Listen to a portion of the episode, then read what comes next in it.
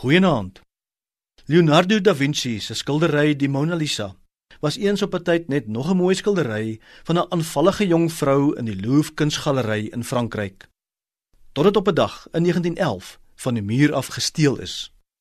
Gou-gou het mense in massas gestroom om die leë spasie op die muur te besigtig.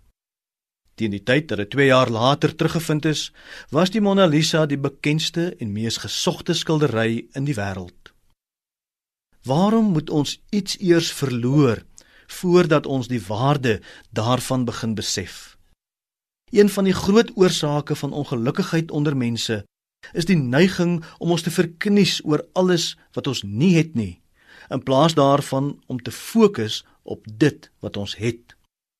Ons aanvaar so maklik alles as vanselfsprekend, asof dit altyd daar gaan wees, tot jy dit die dag verloor dan word ons pynlik bewus van die leë spasie. Die mure van ons lewens is vol Mona Lisas. Moenie so fokus op alles wat jy het nie, dat jy dit wat jy het miskyk nie.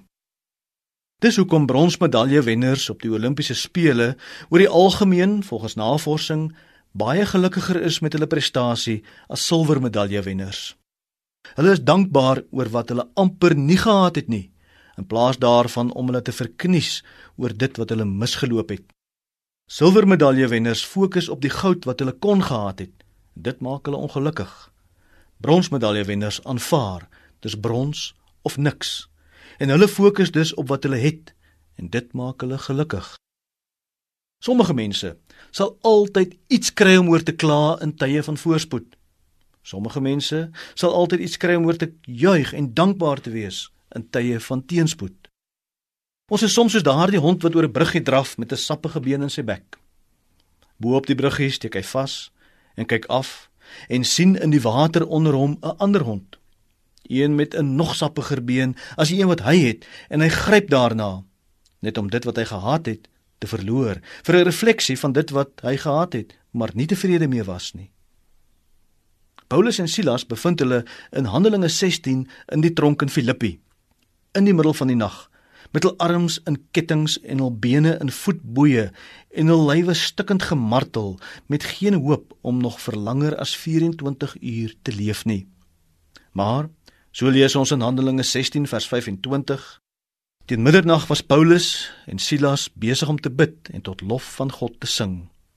Verstommend, maar dan besef ons hulle het nie alles verloor nie. Hulle het God nie verloor nie. En as jy God in jou geloof nie verloor het nie, het jy beslis nie als verloor nie. Jy het heeltemal genoeg oor om lofliedere van dankbaarheid te sing. Maak gereelde bestekopname van jou lewe. Tel jou seëninge, tel hulle een vir een. Weer klink die ou ou liedjie. Begin sommer by God se liefde, trou, beskerming en genade. Here, dankie vir alles wat ek het. Dankie vir U. Amen.